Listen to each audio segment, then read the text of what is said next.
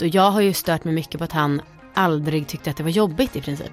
Alltså det tyckte jag blev en distans mellan oss, att han var så fruktansvärt positiv. Så när folk frågade så här, men gud hur var det att hon kom för tidigt? Han bara, jag vet inte, jag tyckte att det var ganska bra, jag kan ju inte jämföra med något annat. Medan det för mig liksom var mitt livs största trauma. I hennes ålder är det så lätt att göra det att hon tycker att det är extra kul. Och som man säger med någon ton, Hedda, nu ska du få festis. Och hon bara, va? Det älskar jag verkligen. Efter en väldigt jobbig start kunde 34-åriga Amanda Koldén se ljuset i tunneln igen när dottern Hedda efter något år började älska livet och Amanda själv blev fri från föräldraledigheten. Idag är föräldraskapet betydligt roligare och enklare för entreprenören och poddaren. Men hur kom hon dit? Vad tycker festexperten själv om baby showers och hur fixar man ett lyckat nyårsfirande för både vuxna och barn? Dessutom sexet under och efter graviditeten och inte minst det som sker mitt i natten, tydligen. Det hör du snart här i mammaintervjun och jag, jag heter Lisa Näs.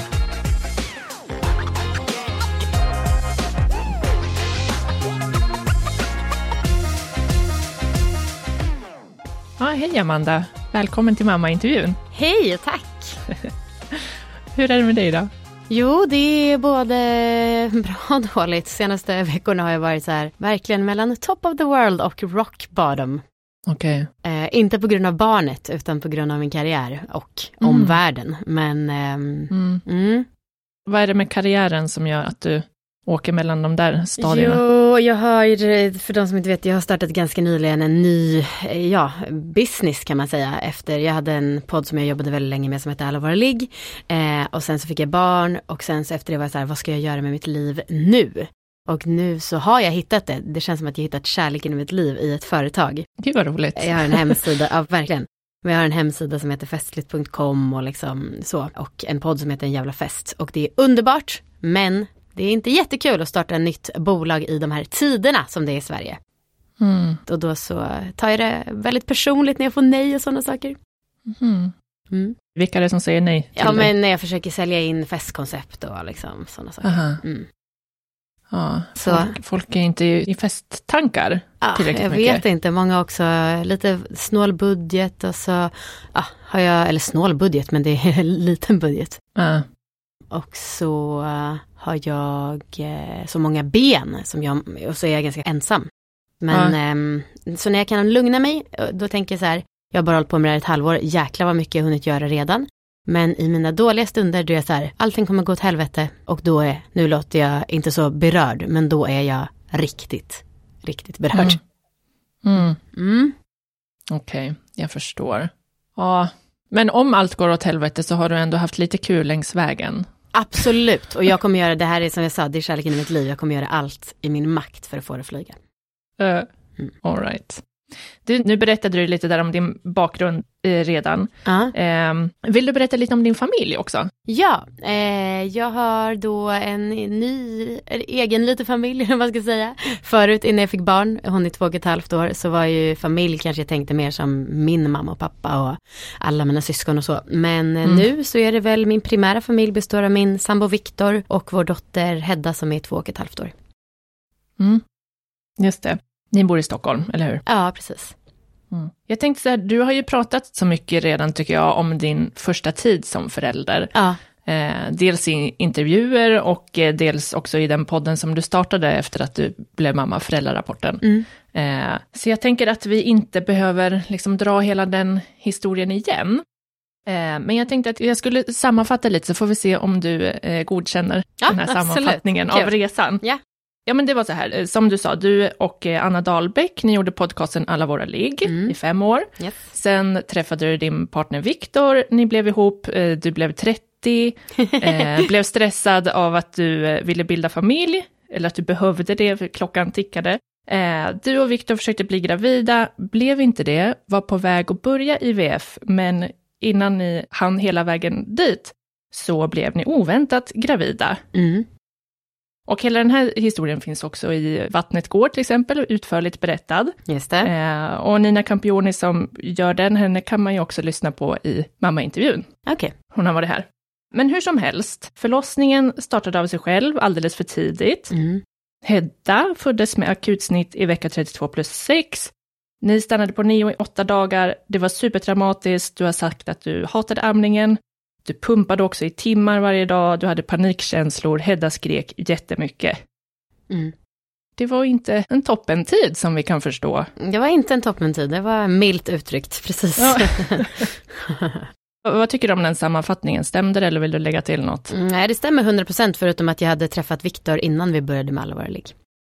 Ah, Mm. ja, ja, ja. Men det är ju verkligen en petitess. Mm. Men eftersom att du frågade så svarar jag. Mm. All right. Men du, efter den här tuffa starten då på föräldraskapet, Ja. när blev det bättre? ja du, när blev det bättre? För nu är det liksom så jävla lätt.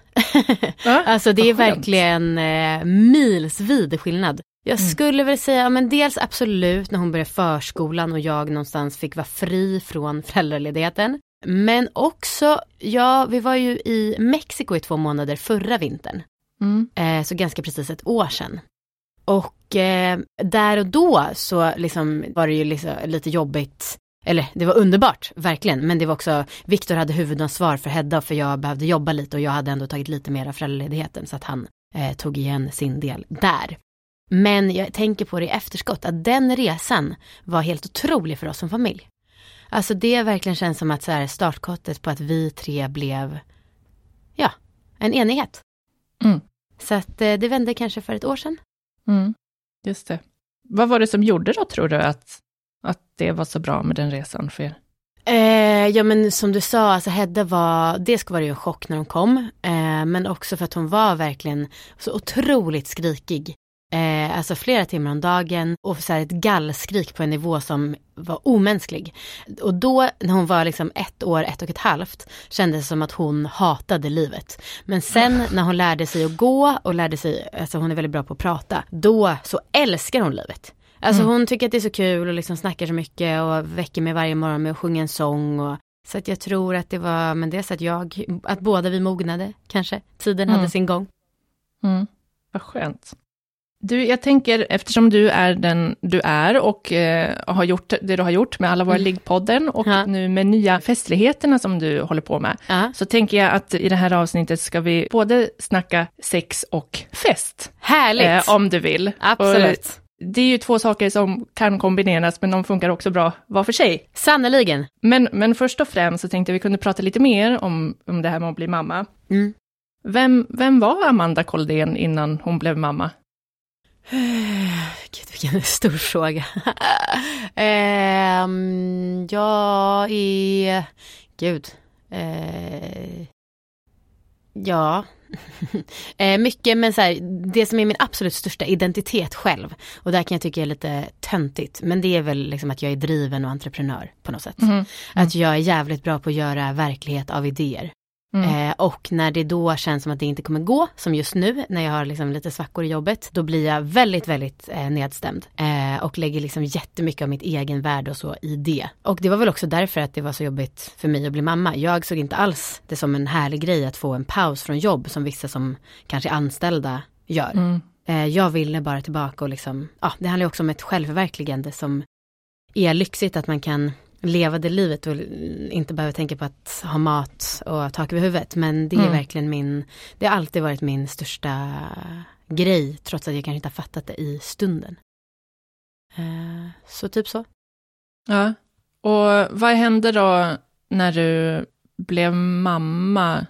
Blev du på något vis annorlunda då? Eller, eller var det några sidor som, som inte fick komma fram? Liksom? Ja, alltså som sagt hon kom ju sju veckor för tidigt och det blev eh, snitt och ambulans och akut och så. Eh, och sen så i samma veva som vi, så la vi också ner den här podden Allvar ligg som hade varit mitt universum i fem år, levt och andats det och haft massa livepoddar och en Mm. prenumerationstjänst och så. Så att det var så himla stor förändring i livet. Och som sagt i kombination med, just det, det var ju också fortfarande väldigt mycket sjukdomstider. Och eh, eftersom att mitt barn kom för tidigt så sades det att hon var extra känslig för infektioner. Så att de första månaderna så liksom vi gick inte inomhus ens i mataffären. Och det var Nej. november. Så att Mm. vara där i lägenheten, det var mörkt, det var kallt, jag kunde gå ut men bara typ en halvtimme eftersom att hon skrek så mycket. Och så kunde Mm. liksom inte ens gå in och köpa, alltså jag undvek verkligen på den nivån att köpa ens mjölk eller kattmat i affären för att hon inte skulle bli smittad. Eh, Mm. Så det var ju en sån stor kontrast och jag kan verkligen, jag vet att jag känner mig så sjukt gnällig och liksom missnöjd och det var jag ju. Men jag kan verkligen så här, klappa mig själv på axeln och bara, det var verkligen fruktansvärt. Ja. Men du, när ett barn föds så där mycket för tidigt, så Mm. jag vet att hon fick en sån där eh, kortisonspruta man får va, för att lungorna ska liksom påskyndas, Ja, utvecklingen där innan, innan hon föds. Ja. Ha, har hon haft något liksom problem hälsomässigt för att Nej. hon kom så tidigt? Alltså helt, eh, thank God. Hon har, är hur frisk som helst och liksom, i början var hon lite liten. Men Mm. nu så är det inget som är konstigt och hon har inte varit så mycket sjuk och liksom så. så att Mm. Jag är väldigt, väldigt tacksam för det. För det kan ju absolut vara ett problem annars. Men just, hon var ju inte extrem prematur. De som föds kanske i vecka 25, där verkar det lite större risk Okej. att man får bestående men. Ja, all right. Föräldrarapporten då som du startade Mm. efter att du blev mamma, Mm. den eh, har du ju lagt ner Ja. nu, eller hur? Mm. Var det för att du kände dig färdig med att prata om det, eller var det någon Ja, anledning? men en liten kombo. Dels att jag började må så mycket bättre och det, var ju, det är ju målet såklart. Men nu på det sättet jag pratar om Hedda, det är ju typ bara Viktor och hennes far och morföräldrar som är intresserade av det. Eller jag kan inte, alltså, eh, hon gör så mycket gulligt och så mycket roligt och det liksom blir nog inte så bra i en podd tror jag. Nej. Eh, och så tyckte jag själv att det började kännas lite upprepande. Och också att, ja men när hon mer blir en person och är större, då vill jag nog lämna henne utanför, inte hela tiden se på henne med content-ögon. nej, nej. Och också att jag absolut, eh, så här, nu jag känner mig mer som mig själv när jag inte är lika intresserad av föräldraskapet som jag var det första året. Mm. Eh, och det kanske låter typ hoppigt, men för mig är det verkligen ett friskhetstecken. Ja. Vad gav det dig att göra den där podden då? För du samtalade ju ändå med en eh, psykolog i Mm. avsnitten. Eh, det gav mig jättemycket och framförallt var det så otroligt alltså, starkt community med mina lyssnare. Det känns som att jag verkligen hjälpte många eh, och sen så träffades vi, jag drog ihop så här mammaledighetspicknickar, mammornas vinlunch ett par gånger Just och det. det var liksom, ja men det var ändå ganska många som kom och sen så jag är helt övertygad om att det har hjälpt och stärkt mig jättemycket men det är liksom svårt att sätta ord på exakt vad. Mm. Men en sak som jag verkligen lärde mig, det var att jag var ganska bra poddsäljare. Eh, För att jag sålde all spons till podden själv och hade liksom mer spons på den än vad vi hade på alla våra ligg som var ja, 20 gånger så stor. Ja, bra jobbat. Ja, Jag tycker att du är väldigt öppen liksom, i, i det som jag har läst och hört av dig. Jag tycker att du är väldigt öppen med att säga saker som folk kanske inte säger så ofta. Eh, och det gjorde du väl också i den här föräldrarapporten. Eh, och jag vet inte om du svarade på det nu, men jag frågar ändå, vad fick du för reaktioner från folk som lyssnade? Alltså uteslutande positiva tror jag. Jag tror att det var någon gång när jag var med i Nyhetsmorgon som någon kommenterade typ så här. Ja, där sitter du och gråter i tv, stackars barn, sök soc om det, eller sossanmälan eller något sånt. Eh, och sen så, så såg jag också att på Nyhetsmorgons egna Facebook-sida så var det massa män som hade bara, men varför skaffa hon barn om det är så himla jobbigt. Men alltså, och sen var det säkert jättemånga som tänkte att jag var dum i huvudet som pratade på det sättet jag gjorde. Eh, men de som lyssnade var så här uteslutande tacksamhet faktiskt. Mm. Vilket förvånade mig, jag trodde att jag skulle få mer andra kommentarer. Men Mm. det är också ganska stort jobb att lyssna på en podd för att man stör sig eller ogillar. Det tar så mycket mer tid än att bara så här lämna en kommentar på Instagram. Mm. Det är bra medie på så sätt att man inte har riktigt lika mycket direktkontakt med sina följare. Nej, det är sant, det är sant. Men du, att bli förälder då för dig och Viktor, Mm. hur har det påverkat er relation? Det är svårt att säga tycker jag vad som har varit vad i en tid av pandemi och så. Eh, och också som sagt att jag har bytt jobb på det tvära sätt jag, jag har gjort. Eh, men ehm, i början var det nog slitigt och jag har ju stört mig mycket på att han aldrig tyckte att det var jobbigt i princip. Alltså Mhm. det tyckte jag blev en distans mellan oss, att han var så fruktansvärt positiv. Så när folk frågade så här, men gud hur var det att hon kom för tidigt? Han bara, jag Mm. vet inte, jag tyckte att det var ganska bra, och jag kan ju inte jämföra med något annat och jag tycker att vi fick en eh, kurs i vad föräldrar där när vi var på neo-avdelningen. Medan det för mig liksom var mitt livs största trauma. Och då tyckte Mm. jag att han på vissa sätt kunde vara okänslig. Sa- Mm. eh, Samtidigt som jag är såklart tacksam över att han inte bröt ihop på samma sätt som jag gjorde. Ja. Um, så att, men nu skulle jag nog säga att uh, nu är det skitmysigt och som sagt, jag tänker så ofta på det att folk, folk separerar ju. Det är väldigt vanligt i Sverige, mm. framförallt när man har fått barn. Och mm. vilken otrolig sorg det måste vara att inte kunna dela de här otroliga grejerna som ens barn gör, som man ju själv är den enda som är så otroligt intresserad av. Ja. Eh, det är ju ingen kompis som någonsin kommer tycka att det är lite, lika spännande att Hedda har lärt sig räkna till 30 eller liksom. Så. Nej. Wow, kan hon räkna till 30? Vad duktig. Nej, okej, nästan, men eh, ja. Jag lyssnade på när du gästade P3 och då sa du någonting sånt här. Eh, det där är min största streck och få barn, ja, någonting sånt här. Att man får barn, man har varit ihop jättelänge mm. och så att sexet blir tråkigt. Mm. Hur eh, känner du för det nu när ni har haft barn ja, i över två år? alltså jag kan fortfarande, du, det är ju inte sällan man hör talas om par som bara, nej men nu är vi så trötta, vi orkar bara ligga i soffan och liksom, alltså det är ju vanligt att det känns som att parrelationen får stå åt sidan och många pratar om familjen som en projektledning istället för en romantisk relation. Mm. Mm. Men vi har ändå ett ganska aktivt sexliv och jag tror att vi verkligen är hjälpta av att jag gjorde alla våra ligg där det blev så påtvingat och därefter naturligt att prata om sex. Mm. Vi är så vana, eller jag är så van vid att säga saker som jag önskar eller vill eller liksom så. Mm. Och Viktor är van vid, dels har han inte så mycket önskemål. men, sen så, men sen så är han också så van vid att eh, jag tar upp grejer och frågar om vi kan testa saker. Så att, ja. ja. det är väldigt skönt. Det är en lyx. Det är många som fortfarande tycker jag känns rädda för att föreslå eh, grejer. För nu har inte vi världens mest exotiska sexliv. Men liksom att vi redan har varit igenom den, alltså tvingas göra så mycket saker på grund av mitt jobb tycker jag är ja. faktiskt en fördel. Ja. Okej. Okay. Mm. Du, när man pratar om liksom sexlust under graviditeten så tycker ja. jag att det finns liksom som de som säger så här, nej jag var inte dugg sugen. Mm. Eh, och så finns det de eh, som jag som var mer sugen än vanligt. Ja, det tycker jag med. Det tycker du också? Ja. ja. Märkte du någon annan skillnad i liksom? Nu var det så länge sedan. Eh, eller så långt bort i minnet i alla fall. Jag för mig att jag tyckte att det kändes lite mer att att det kändes lite mer rent fysiskt. Mm. Men jag kände mig kanske inte så sexig som gravid.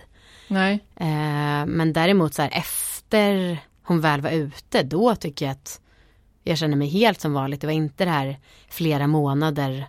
Eh, men jag var också ganska frisk i kroppen. Så att om ja. man har ett sargat underliv så klart att man förstår att man inte är så sugen liksom. Nej. Hur lång tid tog det innan ni låg igen efter förlossningen, får man fråga det? Ja, det får man absolut, men jag är rädd att folk blir provocerade. Det tog väl några dagar. Ja, okej. Okay. Ja, så att, men det var, jag var själv överraskad med det. Ja.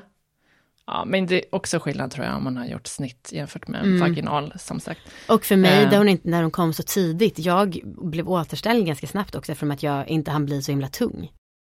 Ja, ja, just det. Mm. Mm. mm. Hur ofta ligger ni nu då? Någon gång i veckan. Ja. Vilket okay. jag tycker är liksom, ja, det är perfekt. Och sen är det också, vi har, det är sjukt, vi har någon grej att våra kroppar löser det åt oss om inte vi har legat på ett tag. Det är alltså ofta vi vaknar mitt i ett hångel. Och båda bara, det var, du, ja, det var du som väckte mig. Jag bara, nej det var du som väckte mig. Och sen så har vi liksom snabbt intensivt sex mitt på natten. Eh, alltså, och det här har vi haft typ i alla år vi har varit ihop. Eh, och det ser jag som så här, det låter ju jättekonstigt men jag ser det som ja, men ett bra bevis på att våra kroppar liksom rent fysiskt är, rent kemiskt så stämmer de, passar de ihop. Äh. så det tycker jag Vad är skönt. kanon faktiskt, ja. Då behöver man liksom inte, det behöver inte vara någon som tar initiativ. Nej, det bara löser sig. ja. Du, eh, Hedda, sa hon sov i egen säng från början eller hon sover liksom med er? Um, hon, första halvåret så var hon absolut med mig får man väl säga. Uh, och sen så försökte vi, gjorde du vet alla de här metoderna för att få henne att sova i egen säng och så. Och blev superarg när det inte gick lika, jag blev arg när det inte gick lika lätt som andra vittnade om att det hade gått. Mm -hmm. uh, och nu så, alltså hon sover fortfarande inte egen säng hela natten. Hon har ett eget rum och vi har en 120 säng där som vi nattar henne i. Och sen mm. så vaknar hon ja, runt 12 eller 3 och då går, tar vi varannan natt som en av oss går in till henne. Mm, just det. Vad var det förresten ni, saker ni gjorde där för att försöka få henne att sova i egen säng? Men dels, alltså så här, eh, lägga ner henne ut, jag kommer inte ihåg, alltså gud det är så sjukt som alla säger, man glömmer bort så snabbt när man inte är i en fas. Alltså det är på riktigt, alltså som om det var en annan tidsera. Ja. men det var ju bara ett år sedan.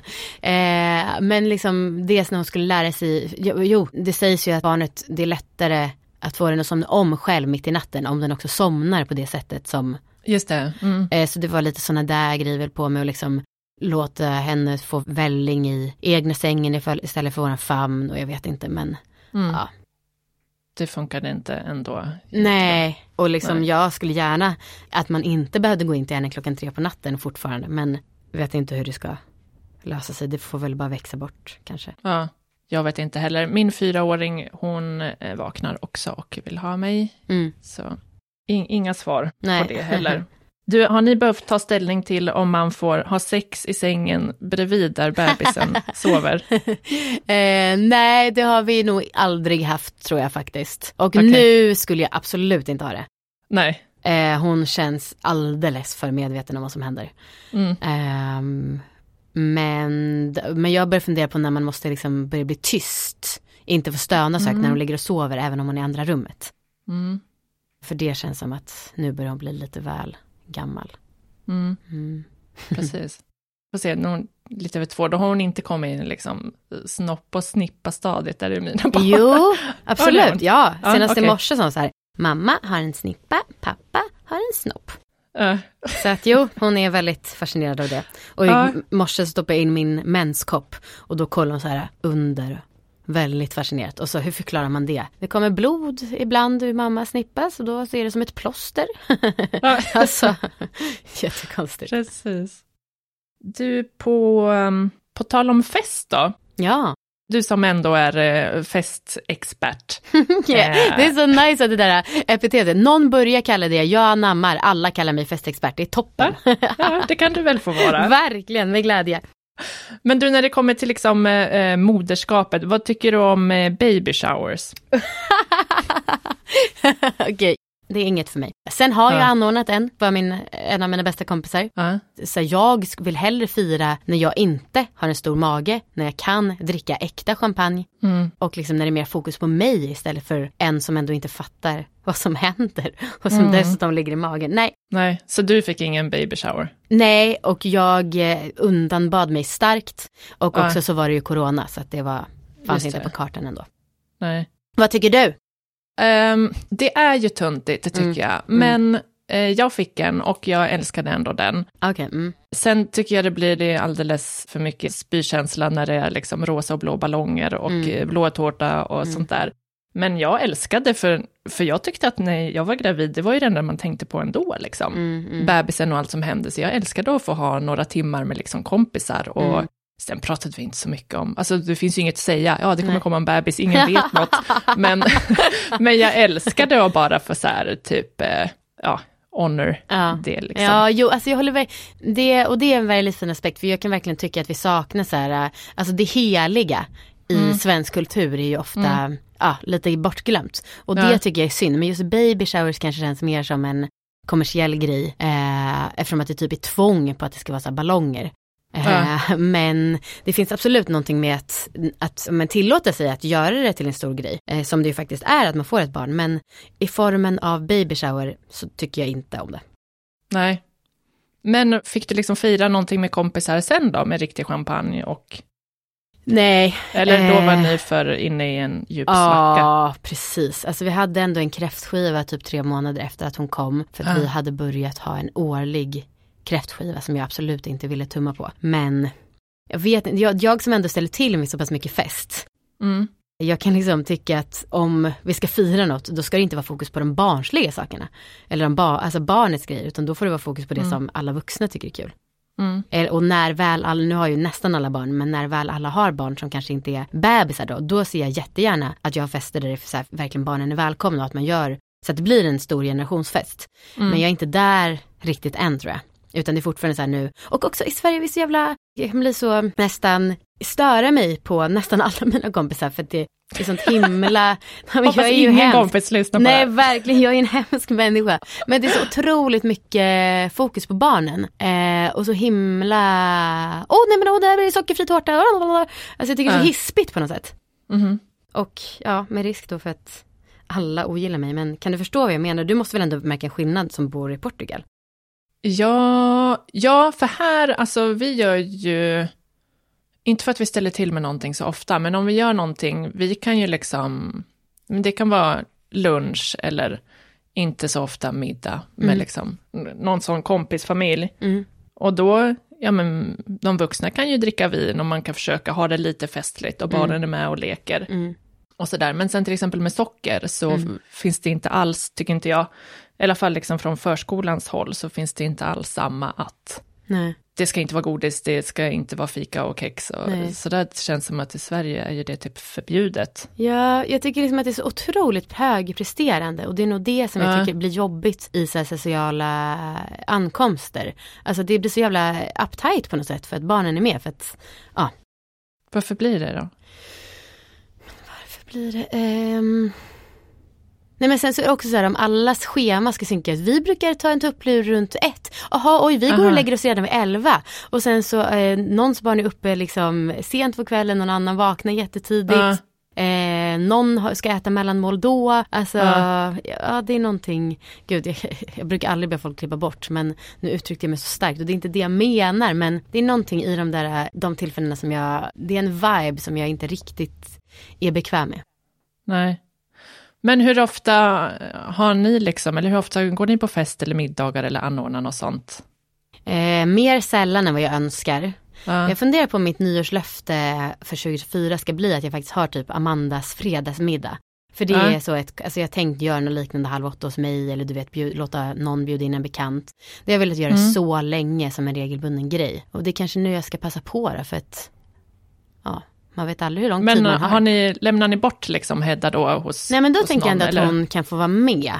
Eh, uh. Hon tycker att det är så himla mysigt då, eller jag har försökt indoktrinera henne i att vara med och laga mat och förbereda inför kalas. Så mm. det tycker hon är toppen, att så här, veta att nu ska vi tända ljus för att göra det mysigt och mm. ja, göra lasagne och då får hon liksom kasta ner potatisen i kastrullen och så att försöka involvera henne. Ja men nej, sorry, men du vet, om vi lagar potatis då. Mm. Men om ni skulle ha något sånt till halv åtta, funkar det liksom? För då måste någon gå och lägga Hedda, och så, eller? Ja, det är, det, snabbt, får, det är det jag får se då.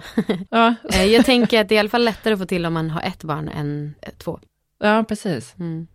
För det där tycker jag är det som stoppar en, eller i alla fall oss som liksom inte har så här släktingar där man kan lämna iväg sitt barn. Att mm. det är mm. så här, ja man vill gärna ha en middag, men då har alla barn och så ska man hem och lägga dem och så blir det mm. så gnälligt och så ja Ibland har det varit så här, men ni kan stanna kvar, vi ska bara gå upp och lägga dem. Och så typ är man halvt sovande när man kommer ner ja, igen. Ja. 45 minuter, en timme senare. Ja. Det är svårt att få till tycker jag, tyvärr. Ja, precis. Och det är kanske det jag menar, jag har någon så romantisk bild av att i an andra länder, och nu vet jag inte vilka de här länderna, påhittade länderna är, mm. men att där kan det vara lite mer typ att barnen kanske somnar i soffan, mm. eh, att det inte måste vara så super superrutin kring läggningen Nej. utan att det är lite mer chill. Mm. Och det skulle jag tycka var toppen. Men, och jag vet inte, Hedda kan ju inte somna i någon annan soffa så att det är säkert en utopi. Mm. Men det, det vore härligt om det, den typen av umgänge gick att få till. Ja, precis. Ja, exakt. Mina barn somnar ju inte i soffan, de är bara vakna. Nej, det är det. ja. Och så blir det gnälligt liksom för de blir för trötta ja. och så. Ja. Mm. Nej, det, jag ska inte uttala mig så starkt som jag gjort eftersom att jag bara har ett barn och ja, mitt barn inte heller kan somna i soffan. Nej. Men du, när det kommer till liksom barnkalas eller så namngivningsceremonier, vad tycker du mm. om, om sådana tillställningar ur festsynpunkt? Jo, eh, jag har inte varit själv på jättemånga. Vi, jag har ju en kristen bakgrund och min kille har absolut noll religiös bakgrund. Mm. Så att just så här, dop vill inte jag, för det tycker jag känns konstigt när den ena inte tror på det. För jag tycker inte att man ska, alltså, jag tycker ändå dop ska man inte göra för att om man inte tror att det finns en viss grej med mm. kristendomen. Mm. Men även där att om jag då har fest ganska ofta, då känns det roligare att ha en födelsedagsfest eller vår kräftskiva eller en festlig middag istället för en namngivningsceremoni. Mm. Sen kanske det för de som inte har fest lika ofta som jag är lite, då är väl det toppen tillfälle att liksom samla Mm. familj och vänner. Mm. Och barnkalas då? Eh, Där har ju jag inte, alltså hade vi firade Hedda ett och två med eh, släkt. Eh, så vi får se om hennes kompisar, om hon börjar fatta konceptet med kompisar på kalas. ja, Då ska hon absolut få det. ja, precis. Och har du blivit inbjuden till andras barnkalas då? Nej, inte än. Nej, okej. Ja. Hur är det? Eh, alltså det är ju en lättnad när, som nu min stora som fyller sex i januari. Nu, Mm. henne kan man ju liksom lämna på ett kalas. Ja, Eh, min treåring som snart är fyra, henne har man inte kunnat lämna hittills, utan då måste Nej. man vara med. ja. Och sen finns det ju en annan eh, nivå av det hela här, att det är, så här, det är kanske folk som, föräldrar som bara pratar portugisiska. ja just det. Sen däremot i Portugal så kan det ofta, då är det ofta liksom vin till föräldrar Mm, eh, på kalaset. mm. Vilket gör det lite festligare tycker jag för föräldrar. Och det känns som att man inte riktigt har i Sverige. Nej, men och det är det här jag menar. Att så här, jag tycker absolut, alltså jag vet ju såklart att det finns komplicerade grejer med alkohol och det är Mm. ju otroligt många som inte kan kontrollera det. Mm. Men jag skulle absolut vilja ha det mer så. Men då tycker jag att det är ändå vissa som är så här, nej men man ska inte dricka när barnen är med. Och att det är så otroligt svartvitt. Mm. Jag tycker absolut att, gud vad härligt. Välkommen mamman, kom in och ta ett glas vin. Ja, Alltså, verkligen. Men här i Portugal då är det också så här, när ett barn fyller år, mm, eh, då säger man, kommer man, säger man parabéns, eh, grattis till barnet, men man säger Mm. också grattis till föräldrarna alltid. Ja, eh, vilket jag tycker är ja, också fint att så här, Ja. Den också ska få ett grattis. ja, Och få fira lite, att det inte bara är liksom sötsaker och tårta och lek. mm. Ja, det var det. Vad har ni för nyårsplaner? Det vet du, jag har faktiskt beklagat mig de senaste veckorna. Jag bara, vilka ska vi fira med? Antingen, de flesta av mina kompisar är nu gravida med sitt andra barn eller har en bebis. Mm. Och jag bara, jag känner typ ingen som har ett barn, för jag vill ändå gärna att Hedda ska ha en kompis. Mm. Eh, men som också, ja, som ingår i vår umgängeskrets. Men nu har jag äntligen hittat. Mhm. vi ska fira med min kompis Vicky och hennes man och deras barn som är lika gammal som Hedda ute på vårt landställe i, ja, Roslagen. Ja. Och jag, allt jag vill är att dricka äkta champagne och Mm. äta skaldjur. Mm. Så att vi ska göra det. Och så hoppas jag också att vi gör mycket så här summeringar av året. Sånt tycker jag är så mysigt när man går igenom sitt egna år och Mm. vad man har för förhoppningar och lite mm, också gärna göra det till en lek, typ att man får gissa eh, vad de andra har för bästa köp eller en relation Okej. som har försämrats eller Aha. så man verkligen gör ett avstamp Ja. inför att man går in i ett nytt år. Roligt. Men då den familjen som ni firar med, då sover de kvar hos er? Ja. Så ni kan gå och lägga barnen, sen kan ni fortsätta Yes. festa lite? Ja, Mm. bra lösning. Planerar ni någonting, någonting extra roligt för barnen då, eller? Ja, men jag kan ändå, alltså nu fattar ju inte de så mycket så här, Nej. ett år har gått.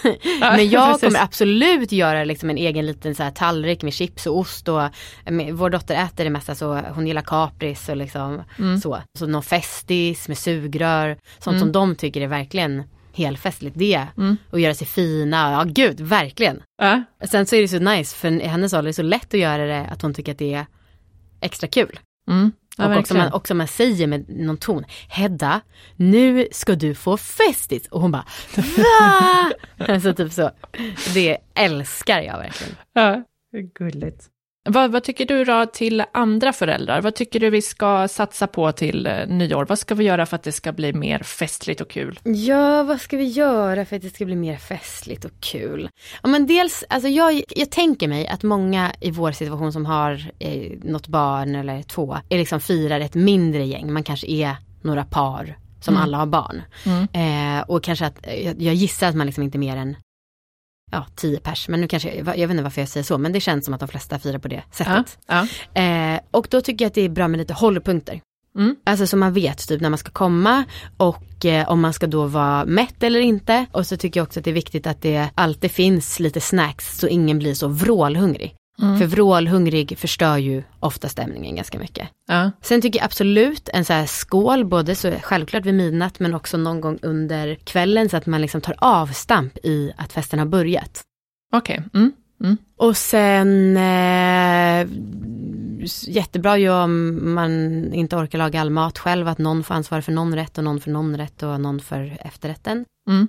Och sen så, barn älskar ju alla lampor som är färgglada och sånt. Och det finns ju jättebilliga små lampor som man kan köpa på typ Clas Ohlson eller Kjell Company som snurrar och blinkar. Mm. För att de ska tycka att det är extra festligt och typ ha ett litet barndisco. Ja. Sen kanske att man har lite, att man har en halvtimme var över barnen. Så att man byts av, så man är lekledare och byter av varandra. Mm. Eh, så att inte en från varje familj måste springa fram till sina barn, utan att någon kan ha lite övergripande koll. Ja. För då känns det också som att det blir mindre springigt, att då måste inte fem familjer samtidigt gå bort och liksom Nej. eh, hjälpa till. Men hur styr man upp det då utan att det känns liksom, nu är det din halvtimme som börjar. Nu har Ja, jag men ju... då gör, alltså då, eh, dels kan man ju så här, man bara sätter på en festlig låt varje gång det är byte av lekledare. Man, kon, eh, man konceptualiserar det som om det är en festlig grej snarare än Mm. något annat. Mm. Och för de vuxna är det ju toppen. Att då kan man huvudsakligen slappna av under kvällen Mm. eh, och så vet man att man har en halvtimme där man ger allt till barnen. Sen Mm. kanske det är en timme eller något. Och så fattar jag såklart att man måste vara tillgänglig för sina barn de andra timmarna också. Ja. Eh, men jag tror att det kan bli jättenice. Mm. Ja, men gilla, alltså tycker man att det känns motigt så är det ju såklart inte något man ska ta Men med om, sig. om man har liksom flera familjer, säg att man är, inte vet jag, tre, fyra familjer. Skulle du då liksom, om festen är hos dig, skulle du då ta ansvar för att liksom kommunicera det innan, i förväg? Att så här, jag Ja. tänker att vi är lekledare, eh, jag tar första tiden, sen tar den.